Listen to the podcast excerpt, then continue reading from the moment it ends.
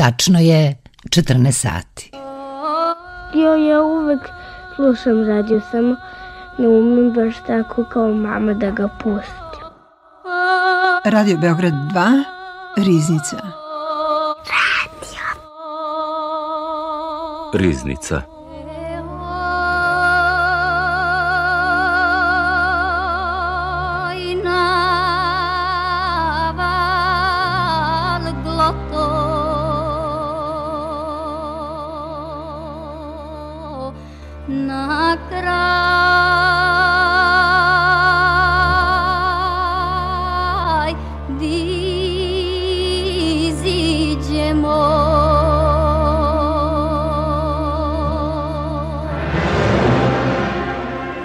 14 časova i 55 minuta sa vama je Dušan Kazeković.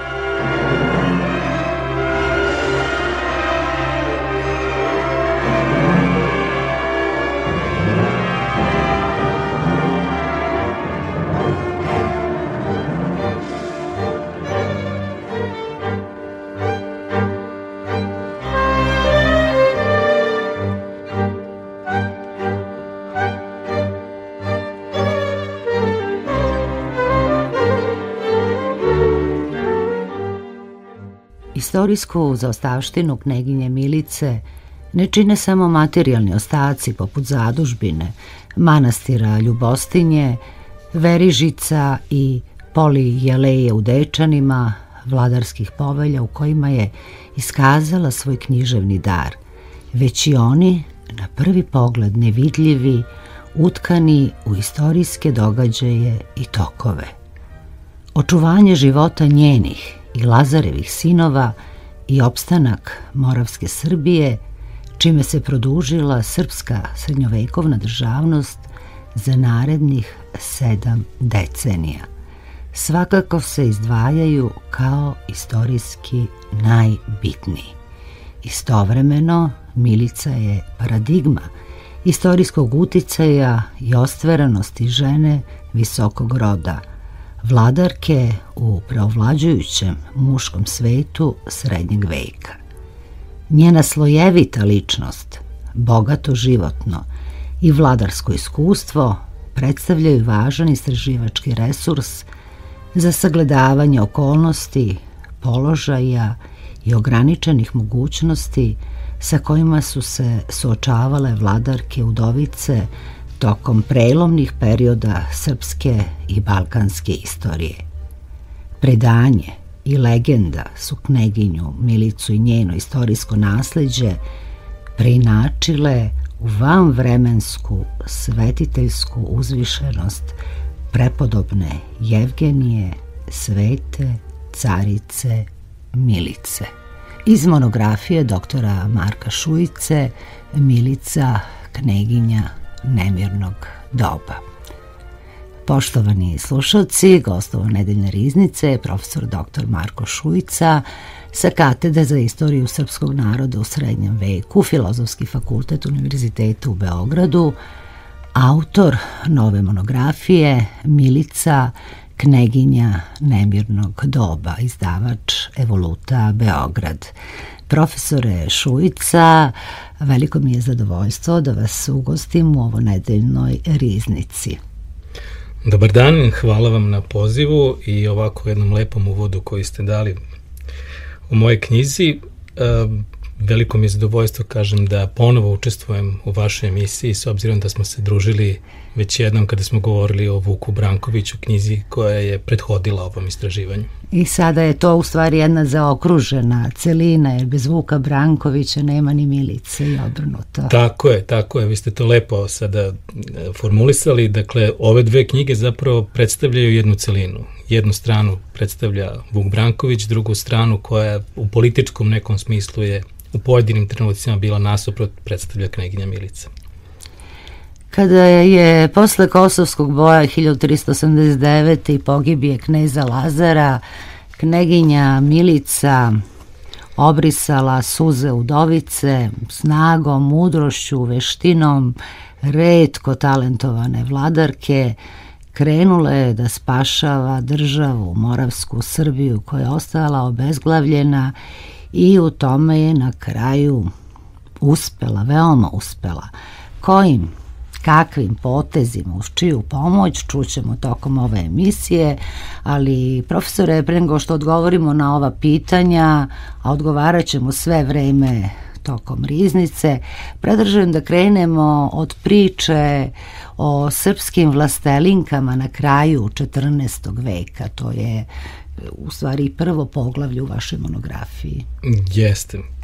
Da, da bismo razumeli istorijsku ulogu Milice, njen položaj, njene postupke, odluke koje je donosila, načina koji je vodila svoju politiku, neophodno je staviti je u jedan vremenski, istorijski i društveni kontekst.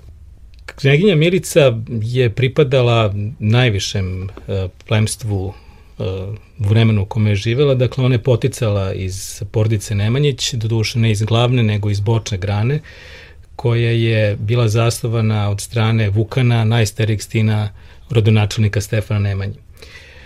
Ta loza dosezala je do vremena u kome je se ona rodila, to je bilo neki period četvrte decenije, druge polovine četvrte decenije 14. veka.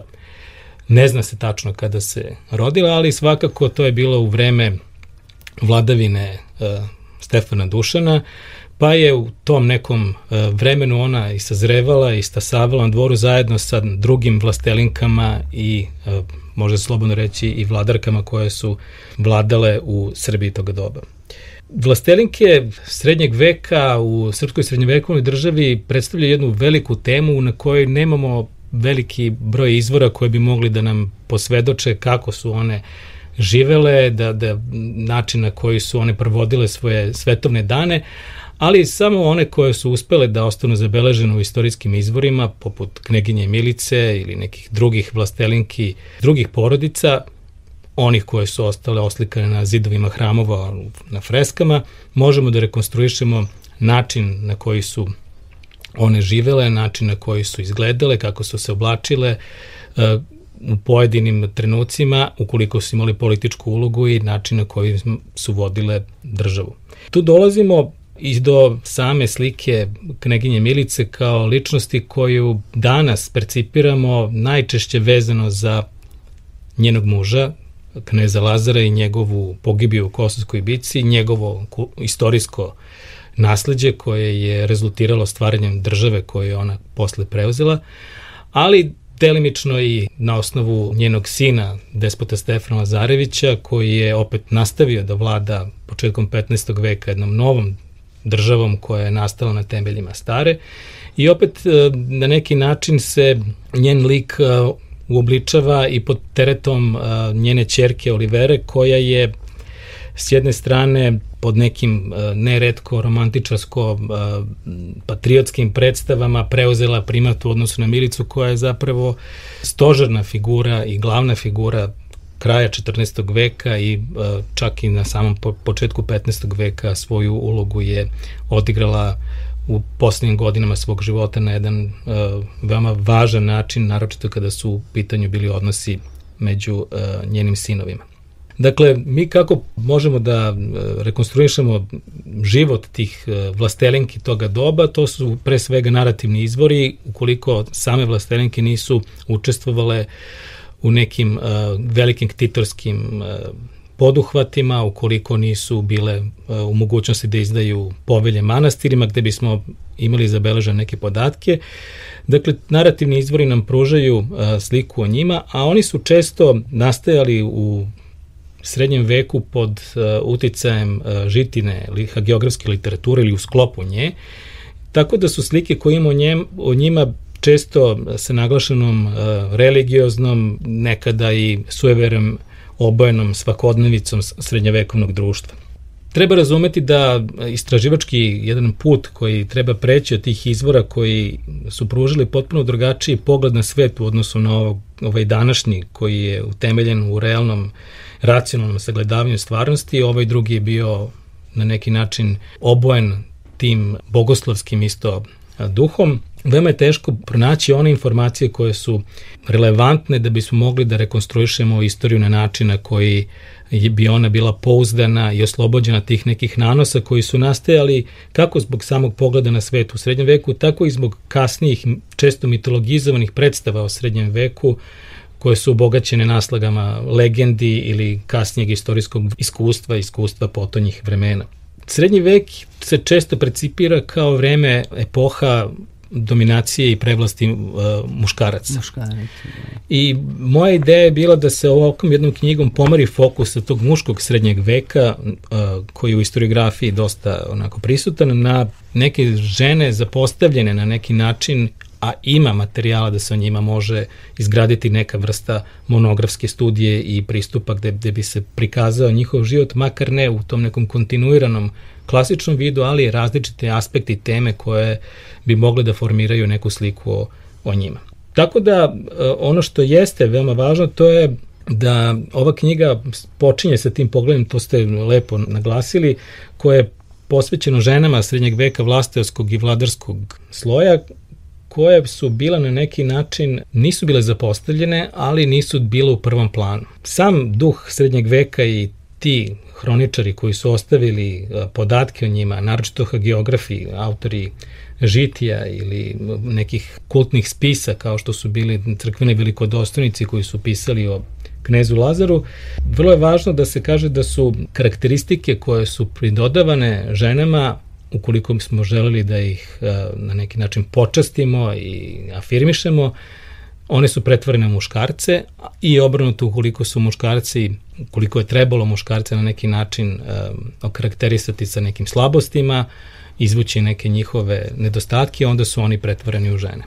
U tom smislu i naši uh, srednjevekovni spisi govore o milici kada je na neki način uzdižu, govore o njoj kao o osobi, pre svega to je Konstantin Filozof, biograf i hagiograf despota Stefana Lazarevića, govori o njoj da je bila mužastvena, odnosno hrabra žena, jer tim epitetom je ona na takav način i oslikavana, a opet njen savremenik, patrijarh Danilo III, koji je i učestvovao i sprovodio prenos moštiju njenog muža iz Prištine u Ravanicu, za nju je govorio da je bila slavna, mužeumna, milostiva, milosrdna i tako dalje. Znači ona je posle smrti muža muške uzela stvar u svoje ruke. Pa može se tako reći, tako su je savremenici gledali, tako su je savremenici i opisivali.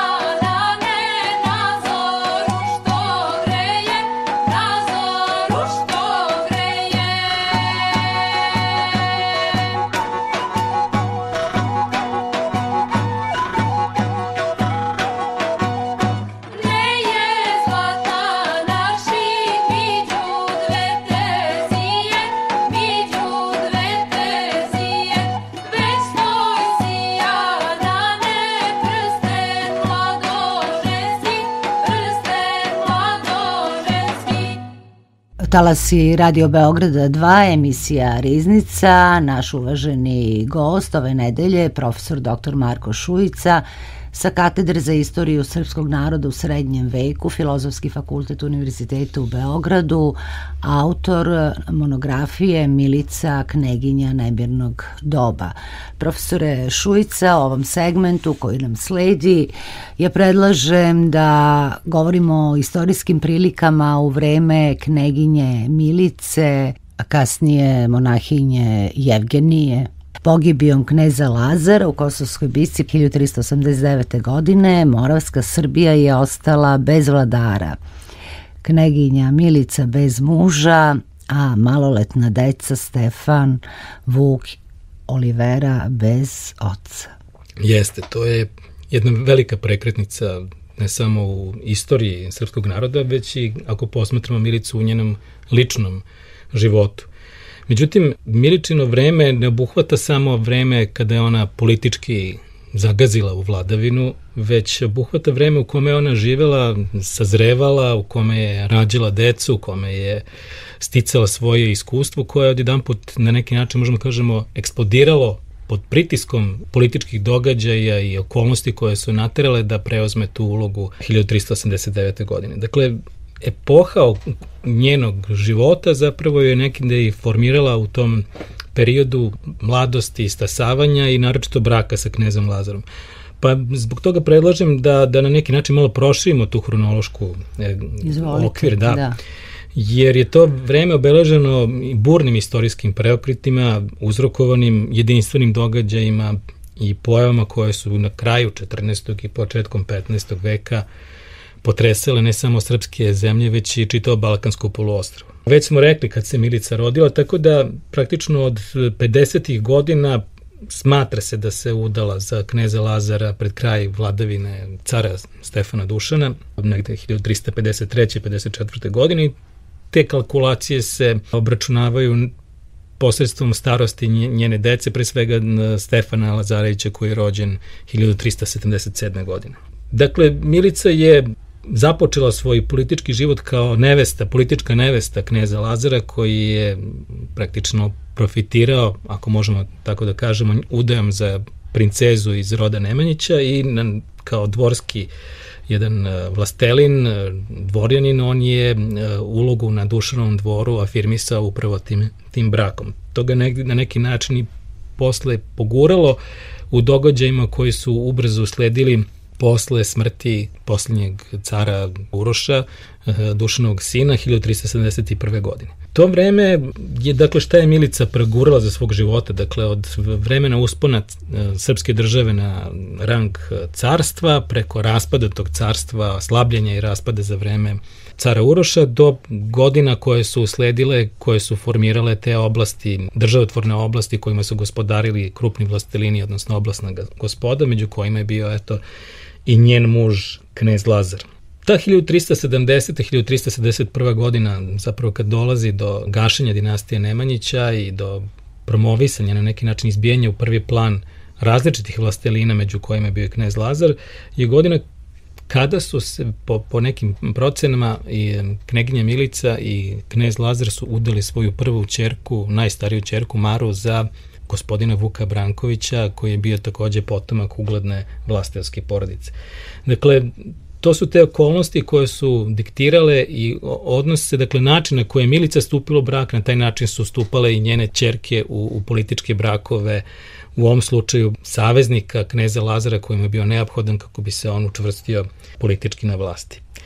Dakle, ta 1371. godina značajna je, pored toga jer se tada odigrala bitka na Marici u kojoj su poginuli kralj Vukašin i despot Jovan Uglješa, dakle, prodor Osmanlija koji je sredinom 50. godina zapljusno Balkansko poloostrvo, došao je do granica srpskih oblasti, tako da ono što je značajno isto i što će Milicin život odrediti kasnije, to je dolazak udovice despota Jovana Uglješe, Jelene, despotice Jelene, odnosno Jefimije, na njen dvor, koja će postati njena verna pratilja i diplomatski savjetnik i saveznik na dugim putovanjima koje će ona kasnije voditi tokom svog života.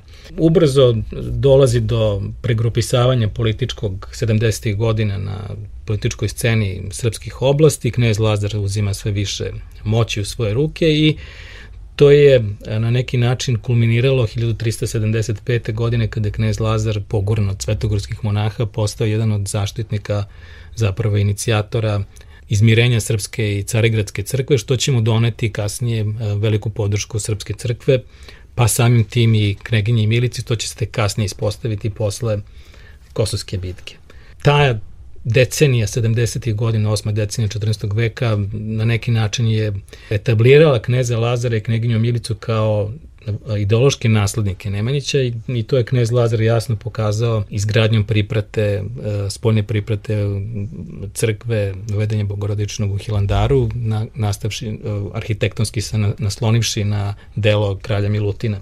Slične simbole koji se tamo mogu videti ugradio je u svoj hram pridvornu crkvu Svetog Stefana u Kruševcu. Upravo 80. godina on utiče i na patrijašijski tron dolazi njegov veliki saveznik patrijarh Spiridon, ali ti godina i Osmanlije dolaze na granice Moravske Srbije, tako da konstituisanje same države pratio je i taj trenutak kada su Osmanlije 80-81. godine upale na teritoriju Moravske Srbije i taj upad jednog manjeg otreta bio je suzbijen. Međutim, čitav taj e, period do Lazareve pogibije obeležen je pre svega organizovanjem države za odbranu od Osmalija, ali ne samo Moravske Srbije, nego i drugih oblasti, pre svega mislim na oblast e, Vuka Brankovića, Lazarevog i Miličinog zeta, koji je bio u, u uh, savezništvu sa knezom Lazarom i njegova praktično član tog jednog porodičnog odbranbenog saveza.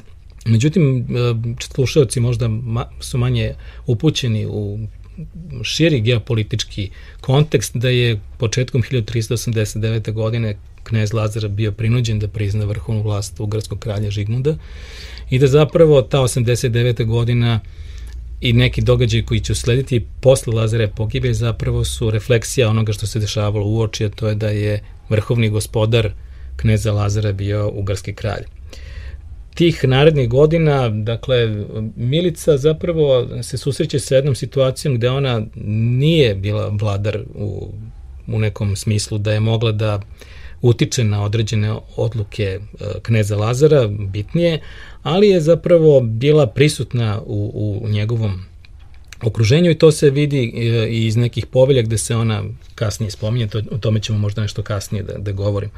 Dakle, slede te 90. godine i borba njena za e, održanje na političkoj površini, pre svega u ime svojih maloletnih sinova, potom oni organizuju neku vrstu, o tome ćemo isto govoriti, kao porodičnog saveza, zajedničke vladanvine, neke vrste savladarstva u tom trouglu koji će se uspostaviti Milica i sinovi, da bi se zapravo e, te 90. godine najviše bojala za sudbinu e, Stefanovu koju učestvovao kao vazal, s obzirom da je posle Kosovske bitke knjeginja Milica morala da pristane na vazalstvo prema Osmalijama, koji je učestvovao u vojnim pohodima sultana Bajazita I, koji je zapravo na neki način vodio ključne bitke koje su se posle Kosovske bitke odigravale na Balkanskom polostrovu, kao što su Rovine, Nikopolj, kasnije i u Maloj Aziji kod Angore. Ono što jeste još za Milicinog života koja je preminula 11. novembra 1405. godine se odigravao, to su a vezano je za, za istorijski kontekst, to je jedno sazrevanje e, njenih sinova, pre svega Stefana Lazarevića koji je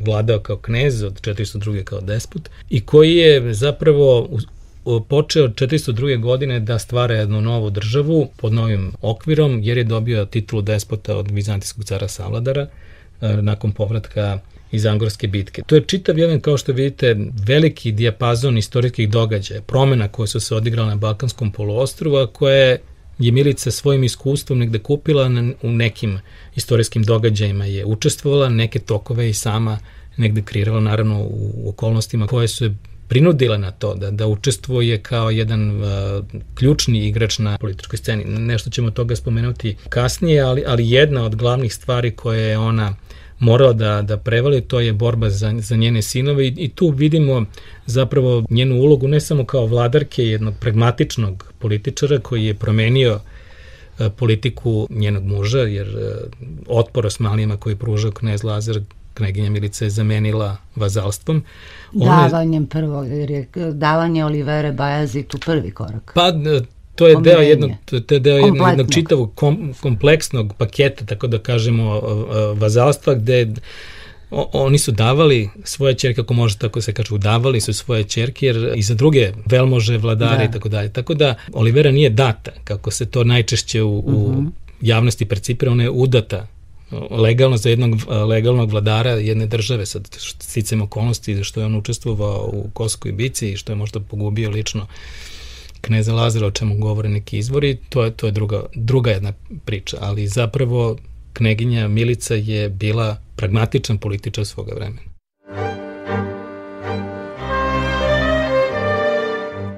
Talasi Radio Beograda 2, emisija Riznica. Naš uvaženi gost je profesor dr. Marko Šujica sa katedar za istoriju srpskog naroda u srednjem veku, Filozofski fakultet Univerziteta u Beogradu, a povod našeg ovonedeljnog sabranja je monografija našeg gosta Milica, kneginja Nemirnog doba.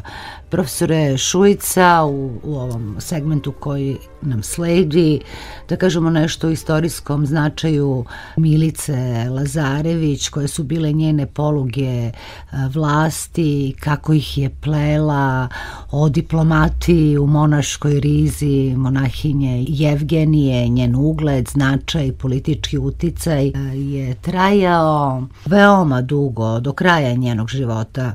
E, tako vi dajete ilustraciju da njen sin Despot Stefan Lazarević 1404-405 rešavajući molbu monahinje Jefimije, njene pratilje i najveće prijateljice, da učini poklon manastiru Hilandaru, izdao ispravu u kojoj je naročito istakao savetodavnu ulogu svoje majke. Uvek se ističe njena uloga. Ona, Jeste, da. ona u monaškoj rizi zapravo vlada zemljom. Pa učestvuje u vladavini u svakom, u svakom slučaju. Dakle, to ste jako lepo ovaj, izdvojili i ono što jeste značajno to je vreme kada je izdata ova povelja. Znači ta, ta povelja je izdata u vreme pred kraj Miličinog života. To je vreme kada je Stefan već despot, to je vreme kada se on oslobađa pritiska Osmanlija. Dakle, čak i u tim prilikama Milica je zadržala svoju značajnu političku ulogu, ako ne u donošenju konkretnih političkih odluka, onda bar savetodavno za neka unutrašnja pitanja, kao što je bilo ovo koje ste spomenuli. Međutim, ja bih volao isto da se malo vratim unazad, prosto da negde dočaramo da Milica počinje da biva prisutna u, još u, u tom nekom javnom životu u vreme kneza Lazara i njen prvi pomen je u jednoj ispravi iz avgusta 1381. godine gde je knez Lazar uspostavio obdarivanje manastira Lavre Svetog Atanasija sa Svete Gore. On je propisao godišnji poklon manastiru od 100 litara srebra I e, tokom, prilikom zasnivanja tog pravnog čina, kada je donosio povelju u gradu Kozniku, koji se nalazi e, danas utvrđenje imamo to koje se nalazi zapadno današnjeg Aleksandrovca. U toj povelji zapravo on je spomenuo i e, svoju suprugu Milicu, rekao je stoga i ja u Hristu u Bogu pravoslavni i samodržavni Stefan knez Lazar i sa podružim, odnosno suprugom mojom kneginjom Milicom i tako dalje. Sad ide taj neki ekstenzivni opis titule njegove. Kaže, smisli smo i priloži smo najčasnije manastiru Bogorodice na Svetoj gori Atenskoj da se daje svake godine 100 litara srebra. Ovaj čin je zapravo uvođenje Milice u ktitorski jedan e, čin da. gde je zapravo se na neki način stiču zajednička ktitorska prava drugog ktitora koja imaju i svoju neku ritualnu i bogoslužbenu funkciju, ali i tu neku duhovnu funkciju koju su vladari i vlastela tokom srednjeg veka e, često davali.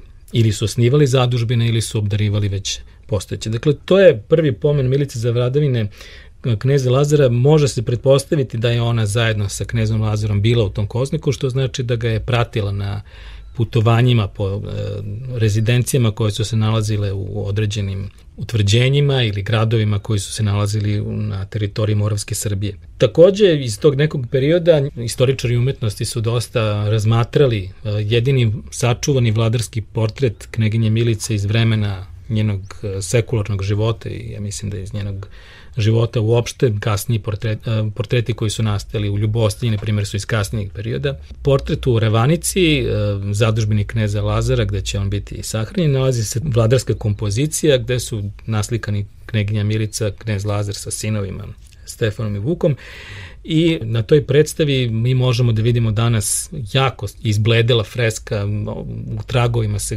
nazire ta vladarska kompozicija, ali istoričari su umetnosti opisali Kažu, nazire se da ima ovalno lice, smeđe oči, tanke lučne obrve, vrlo uzen i blago povijen nos i male usne. Pisani istorijski izvori pruže vrlo malo podataka o njenom životu za, za vreme e, Lazarevog, Lazareve vladavine i e, smatra se da Milica nije uzimala nekog učešća u vlasti za vreme kneza Lazara. Ali ona je, e, kao što sam rekao, putujući uz njega, provodeći vreme uz svog muža, učestvovala bar pasivno u nekim, prisustvovala različitim situacijama gde on donosi odluke, na taj način je sticala iskustvo koje je kasnije primenila u a, trenutku kada je ostala udovica. I sad, dakle, ona je tu moć svoju i ugled crpla negde iz svog porekla, naravno iz braka sa knezom e, Lazarom, e, vladarom Moravske Srbije, koji je bio e, na neki način zastupnik vladarske ideologije Nemanjića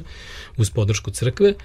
I posle njegove pogibije i preuzimanja kormila države odmah posle Kozovske bitke, ona je počela da razmišlja kao jedan političar koji je suočen sa zaista velikim izazovima koje e, malo koji političar onog vremena, vladar, vlastelin bi mogao da, da prelami na pravi način jer je toliko bilo um, opasnosti po državu u kojem je ona vladala kako sa severa od strane Ugarske, tako od strane Osmanlija, tako i na unutrašnjem planu, jer geograf, odnosno biograf e, despota Stefana Lazarevića, Konstantin filozof, donosi informacije da je posle Kosovske bitke, što je bilo i očekivano, gde je stradao veliki broj velmoža, e, zemlju zadesio jedan unutrašnji nemir, gde su preživeli vlastelini počeli međusobne borbe, otimanje posede, želju da se učvrste da učvrste svoj položaj i to je bio trenutak kada je bilo neophodno donositi hrabre i odlučne odluke. Kneginja Milica uz podršku patrijarha Spiridona, dakle odmah već posle Kosovske bitke, s obzirom da je patrijarh Spiridon, bar prema uh, istorijskim izvorima, preminuo 11. avgusta 1389. Dakle, u tom veoma kratkom vremenskom periodu morao da donosi odluke da je potpuno promenila politiku kneza Lazara do odbrambene u savezničku, odnosno podaničku prema Osmanlijama i taj preokret je zapravo nju iz, izložio jednom riziku upada ugarskih vojski, predvođenih kraljem Žigmundom sa severa, ali s druge strane Osmanlije su joj obezbedile podršku u vojnom smislu, jer one, iako se Bajazit odmah posle bitke povukao u Malu Aziju, e, osmanske trupe su jednim delom ostale u, na Balkanskom poluostrvu u Evropi i one su očigledno pružile podršku milici, tako da ona relativno brzo sredila situaciju na unutrašnjem planu u Moravskoj Srbiji. Ono što je preostalo, to je bila borba za uticaj i prevlast sa njenim zetom Vukom Brankovićem, koga su savremenici, razni politički faktori tog doba doživljavali kao zapravo naslednika kneza Lazara, a ne kneginju Milicu. Ostavši udovica sa maloletnom decom, ona nije imala mnogo izbora, ona je zaista pokušavala da ih očuva u, i u životu, ali i u političkom jednom sistemu igri da bi e, kada stasaju, pre svega Stefan Lazarević, kada postane vladar, mogla da ga podržava i dalje. Miličin vladarski e, potencijal i ugled počivao na nekoliko veoma važnih e, činilaca. Jedan od njih je bila podrška Srpske crkve, vrha Srpske crkve, koja je isto prolazila kroz jednu vrstu podela i teških situacije, jer je crkva bila podeljena opet e, pod uticajem Vuka Brankovića, koji je imao izrazit uticaj u Hilandaru, gde se nalazio i njegov, jedno vreme njegov brat Gerasim. A opet vrh Srpske crkve, na čelu s patrijarhom koji je stolovao u Žiči, koja se nalazila u Moravskoj Srbiji, je bio e, narečno od kada je ustoličen Danilo III kao Miličin Pulen, imala je podršku dakle vrha Srpske crkve.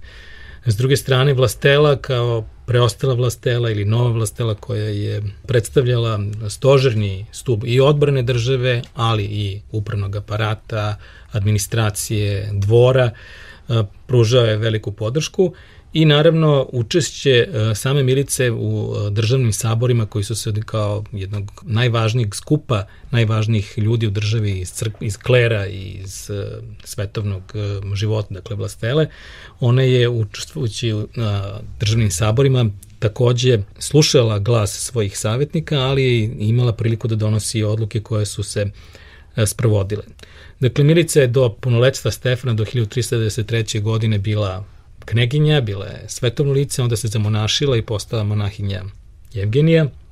Međutim, iako se zamonašila, ona nije prestala da obavlja te političke funkcije, tako da je, to ste napomenuli na početku ovog našeg segmenta razgovora, ona je bila jedna vrsta diplomate u monaškoj riziji, ja sam to u knjizi nazvao sekularna monahinja, jedna onako nespojive stvari, ali zapravo je ona svojim delovanjem izlazila iz okvira monaštva, ona se povukla iz političkog života javno, prepuštajući to e, prvo jednom, potom e, praveći taj neko savladarstvo porodično zajedno sa i sa Vukom u jednom trenutku Lazarevićem. Dakle, ona je obavljala veoma važne političke misije, diplomatske misije, pre svega prema Osmalijama, gde, odnosno Sultanu Bajazitu, gde je u nekoliko navrata zaista uspela da, da preokrene političke odluke u korist sebe, a pre svega svog sina Stefana. Dakle, njen taj uh, uticaj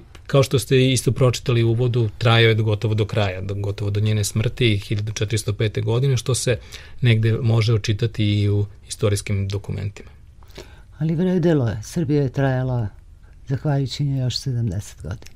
Pa jeste, to, to je tačno, mada su izazovi bili veliki, naročito ako se uzme u vidu da je ona morala na neki način da deluje i protiv svoje čerke Mare i svojih unuka, sinova Vuka Brankovića čerke Mare u jednom trenutku, ali o tome možemo nešto kasnije. si Radio Beograda, dva emisija Riznica, gostovo nedeljne emisije profesor dr. Marko Šujica sa katedre za istoriju srpskog naroda u srednjem veku, Filozofski fakultet Univerziteta u Beogradu, a po našem ovonedeljnom sabranju je monografija našeg gosta Milica Kneginja Nemirnog doba, izdavač Evoluta Beograd profesore Šujica, ostao nam je ovaj poslednji segment i da li se slažete da ga posvetimo intimnom svetu kneginje Milice Lazarević ili monahinje Jevgenije? Slažem se, slažem se, mada moram da priznam da mi je to bio jedan onako malo ambiciozni pokušaj da uđem u intimni svet knjeginje Milice, onoliko koliko je to bilo moguće zahvaljujući istorijskim izvorima. A istorijski izvori, malo je tih istorijskih izvora za srednji vek koji pružaju uvid u tu najtananiju stranu ličnosti srednjevekovnih ljudi uopšte, bilo muškaraca, bilo žena, s obzirom da kao što smo već govorili, da su ti izvori definisani na neki način šablonirani pogledom na svet koji je imao ili svojom funkcijom, koja je mogla da bude liturgijskog obrednog karaktera ili poput hagiografija, pohvala i slova, kojima čitalac nailazi na opšta mesta i onda je tu teško razlučiti tu granicu između onog šta je tu jedna vrsta metafore ili želje da se na neki način uzdignu e, ličnosti do, do tog nekog e, božanstvenog, do toga šta je zapravo učinilo njihov intimni svet i kako su oni proživljavali određene realne istorijske situacije.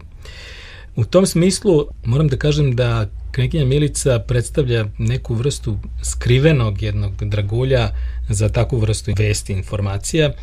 Opet ne možemo da kažemo da su eksplicitno izneseni u izvorima, ali na posredan način mi možemo da, da vidimo na osnovu onoga šta je radila i kako je saopštavala određene događaje ako ih kontekstualizujemo sa, sa samim istorijskim okvirom.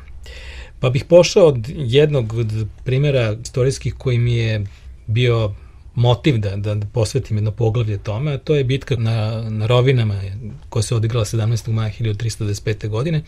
Dakle, to je bitka u kojoj je učestvovao Stefan Lazarević, dakle, to je bilo njegovo vatreno krštenje, po svemu sudeći, kao vazal kao pomoćna trupa Sultana Bajazita. Dakle, bitka se odigrala u Vlaškoj, u oblasti e, Rovine. U bici su pored e, kneza e, Stefana Lazarevića učestvovali kralj Marko, poznati Marko Kraljević, Kraljević. iz narodne tradicije, Konstantin Dragaš i Konstantin Balšić. Bitka se doživljava kao poraz Osmanlija, dakle strane u kojoj je učestvovao Stefan Lazarević, ali poraz koji nije mnogo promenio istorijske tokove na Balkanskom poluostru. Međutim, ono što jeste promenio, to je promenio sudbinu određenih srpskih država, pre svega oblasti kralja Marka Mrnjavčevića i Dragaša, s obzirom da su oni poginuli u bici. Taj podatak, o, o tome govori i Konstantin Filozof u, u svom delu, ali taj podatak govori za sebe da zapravo je bitka bila veoma rizična po osmansku stranu u kojoj su učestvovali srpski e, vladari i velmože i da je zapravo e, činjenica da je Stefan Lazarević preživeo bitku bila jedna od ključnih stvari koje je Milica preželjkivala, dakle da se sin vrati, pošto je šest godina pre toga njen muž otišao jedan boj iz koga se nije vratio, ovo je za nju bila jedna velika, pretpostavljam, velika trauma. To izbori sami ne govore. Međutim, samo nekoliko nedelja posle bitke, 8. Eh, juna 1395. godine, ona donosi jednu povelju. Ona je eh, ishod bitke dočekala u Novom brdu, dakle ona se čak isto isklonila, povukla iz Kruševca u jedan utvrđeni grad koji se nalazi na Kosovu, eh, Novo brdo, koje je predstavljalo jedno od najznačajnijih sedišta u srpskoj srednjevekovnoj e, državi, pre svega ekonomski, ali i u fortifikacijenom smislu, da imamo i danas očuvane ostatke velikog utvrđenja. Dakle, Mirica je tamo donela povelju i to predstavlja najveću povelju koju ona donela kao monahinja Evgenija, zajedno sa svojim sinom i vlastelom. Zapravo povelja je svedočanstvo u kome ona obdaruje manastir Svetog Panteleomona sa velikim brojem poseda, potvrđujući posede koje je i darove koje je svoje vremeno njen muž, knez Lazar za života učinio u manastiru, ali ono što je isto e, specifično, to je da je e, praktično veliki broj vlastele iz oblasti Lazarevića učestvovao u tom daru.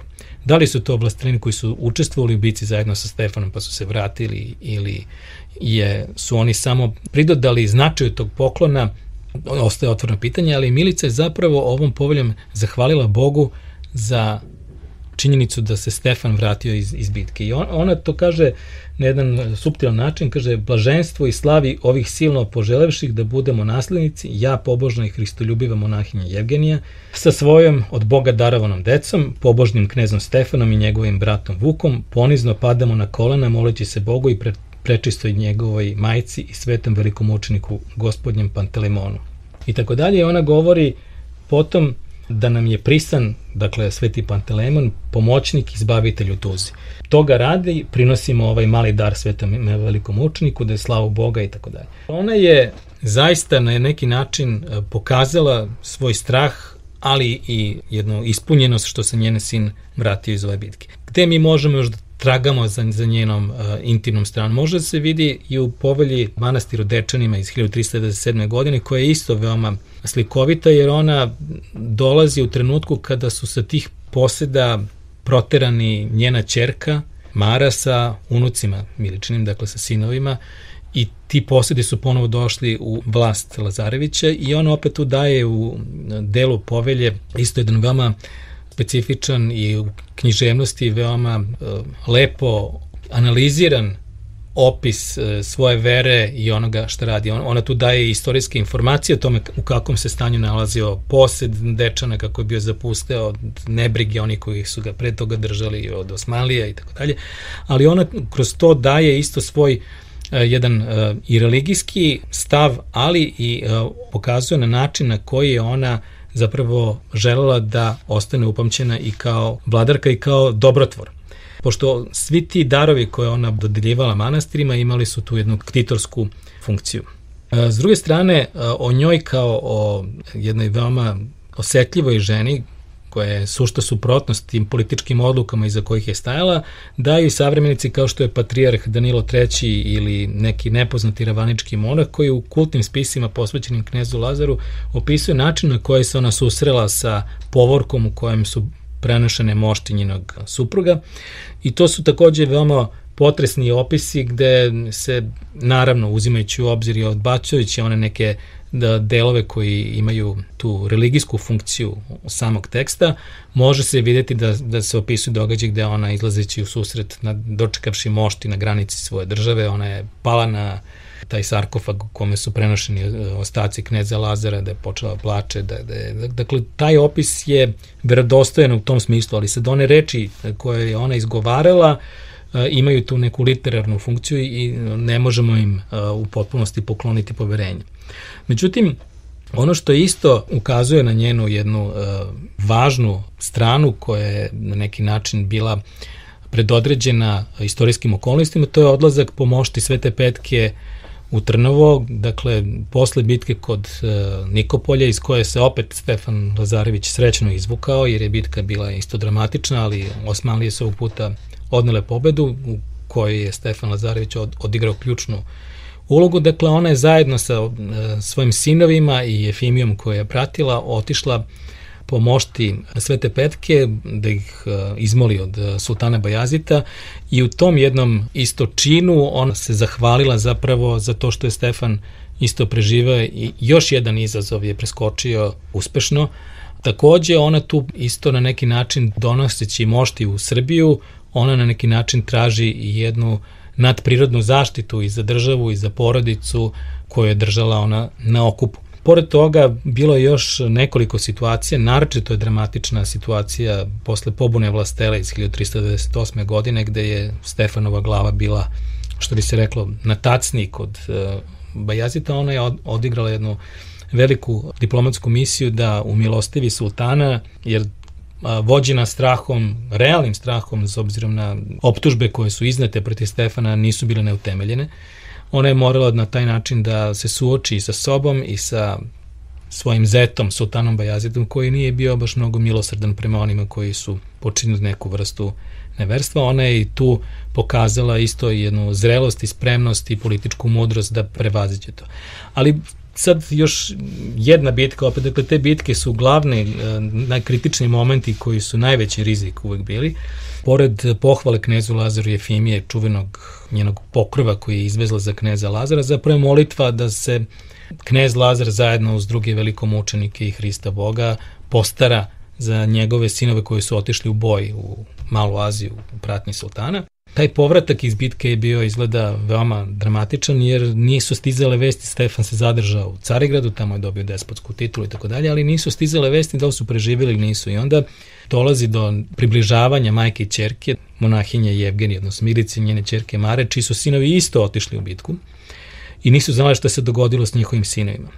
Zbog toga su molile Dubrovčane da im pošalju brod koji bi tragao za srpskim plemićem. Dakle, čitava ta jedna akcija na kraju ispostavile su da su oni stigli, vesti su stigle o, o njima da su dobro, ali čitava ta pokretanje potrage za njima, približavanje sa čerkom, prevazilaženje tih nesuglasica, oslikava način na koji je ona isto doživljavala i proživljavala te neke teške trenutke. Vrlo važno, ne toliko iz političkih razloga, koliko je isto i iz nekih e, ljudskih, to je odlazak kod e, princa Sulejmana posle 1403. godine, gde je imala ulogu da izmiri svoje sinove Vuka i Stefana, koji su došli u neki konflikt posle jedne bitke.